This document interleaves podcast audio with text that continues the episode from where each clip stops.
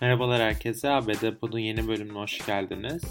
Bu haftaki gündemimizde Biden'ın düşen görev onayı ve Suriye cephesinde yaşanan son gelişmeleri konuşacağız. İlk olarak Biden'ın görev onayındaki düşüşten başlayalım. Çünkü yapılan son anketlerde düzenli olarak Biden hükümetini desteklemeyenlerin sayısı destekleyenlerin üzerinde. Yani aslına baktığınızda 9 ayın sonunda Biden hükümetinden çok da memnun olmayan bir Amerikan halkı var ve aslında bu memnuniyetsizliğin temeli bağımsız seçmenden geliyor. Yani aslında aslında kendini demokrat ya da cumhuriyetçi olarak adlandırmayan ve geçtiğimiz seçimde 2020'de Biden'a oy vermiş olan bağımsız seçmenin Biden'dan koptuğunu görüyoruz ki bu görev onayı son yapılan anketler bize bunu gösteriyor. Yani %49.2'lik seçmen kitlesi Biden'ı şu anki performansından memnun değil. Memnun olan seçmen yüzdesi %44,5'te kalmış durumda. Bu da aslında Biden'a ciddi bir uyarı mesajı vermiş oluyor. Çünkü yaklaşan ara seçimlerde 2020'deki ara seçimlerde Biden hükümetinden mutsuz olan Amerikan seçmeni kongrede Cumhuriyetçi Parti'ye oy vererek aslında demokrat çoğunluğun oluşmasını önleyebilir ve bu, bu da aslında Biden'ın pek de istediği bir şey değil. Çünkü baktığınızda şu an Temsiller Meclisi'ni kontrol demokratlarda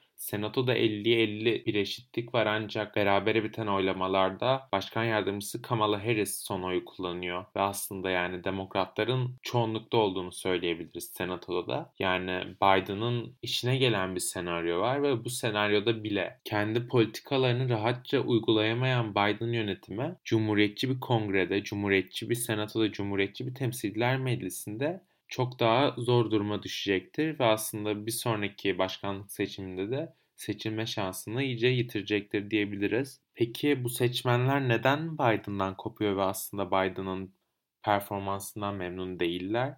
İlk sebep aslında Afganistan gösteriliyor. Amerika'nın Afganistan'dan bir yandan çekilmesi ve daha sonrasında yaşananlar Talib Taliban'ın yönetime ele alması ve aslında Amerika Afganistan'daki savaşı kaybetti algısı Biden'ın işine gelmedi ama baktığınızda aslında objektif olarak Afganistan cephesine baktığınızda Afganistan'dan çekilme kararını ilk alan başkan Donald Trump'tı bu karar. Afganistan'dan çekilme kararını Donald Trump verdi baktığınızda ve Biden da bunu devam ettiren bir politika yürüdü. Direkt olarak çekilme Biden döneminde yaşandı.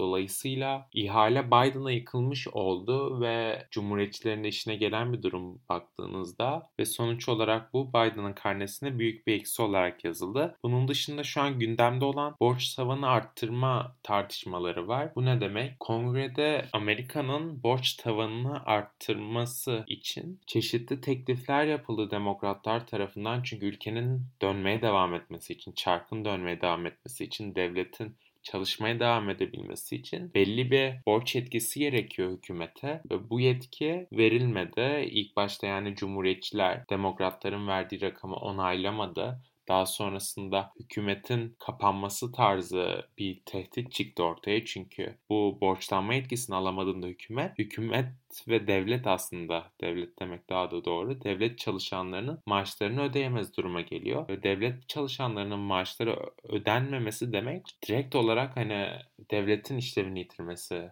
anlamına geliyor. Yani sosyal güvenlikten para alan insanların bu paralarını alamaması ya da en basitinden kongre çalışanlarının maaşını alamaması demek Amerika için hiç hoş bir görüntü olmaz ki baktığınızda şu anda yönetim tek bir partinin elinde Demokrat Parti tüm kongreyi aynı zamanda başkanlığı kontrol ediyor ve aslında tüm kontrol tek bir partideyken bu tarz bir rezilliğin yaşanması çok da daha kötü olurdu demokratlar için. Ancak baktığımızda en sonunda bir şekilde Mitch McConnell'ı ikna ettiler ve geçici bir borçlanma etkisiyle bu süreci aralığa kadar uzattılar. Ancak aralığa yaklaşırken bu tehdit tekrar ortaya çıkacak.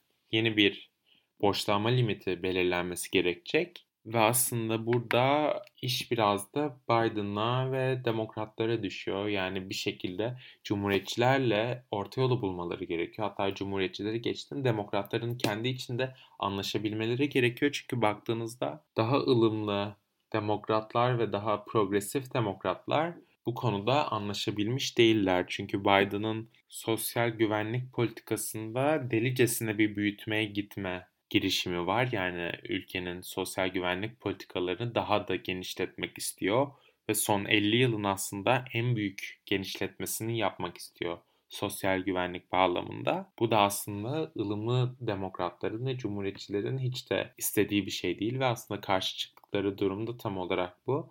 Dolayısıyla Biden'ın önümüzdeki günlerde bu politikada birazcık azaltmaya gitmesi bekleniyor. Yani aslında bu politikası Biden'ın duruşuyla bir siyasi olarak ve aslında seçim vaatleriyle de örtüşen bir tutum ancak bunu hayata geçirebilmesi pek de realist değil, pek de mümkün de gözükmüyor aslında şu anda. Dolayısıyla bir şekilde kongrede orta yolun bulunması gerekiyor. Bunun dışında bir başka gelişme de aslında Biden'ın Suriye konusunda attığı yeni adımlardı. Çünkü Biden son yaptığı açıklamasında Suriye konusundaki ulusal acil durumu uzattı. Yani aslında bu ne demek oluyor? Bir yıl daha Amerika'nın Suriye konusunda oldukça aktif politikalar gütmesi bekleniyor. Peki kararın arkasında ne var? Biden'a göre Türkiye'nin oradaki varlığı, Türkiye'nin Kuzey Suriye'deki askeri varlığı IŞİD'le mücadeleye zarar veriyor. Yani Biden iddiasına göre Suriye'nin oradaki varlığı aslında Amerika'nın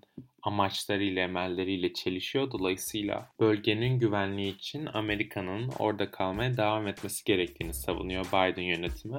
Baktığınızda bu Türkiye tarafından pek de hoş karşılanacak bir durum değil ve zaten gergin olan ikili ilişkilerin bu kararla birlikte, bu açıklamalarla birlikte daha da gerilmesi bekleniyor diyebiliriz. Bu haberle birlikte bu haftaki bültenimizin sonuna geldik. Dinlediğiniz için teşekkürler.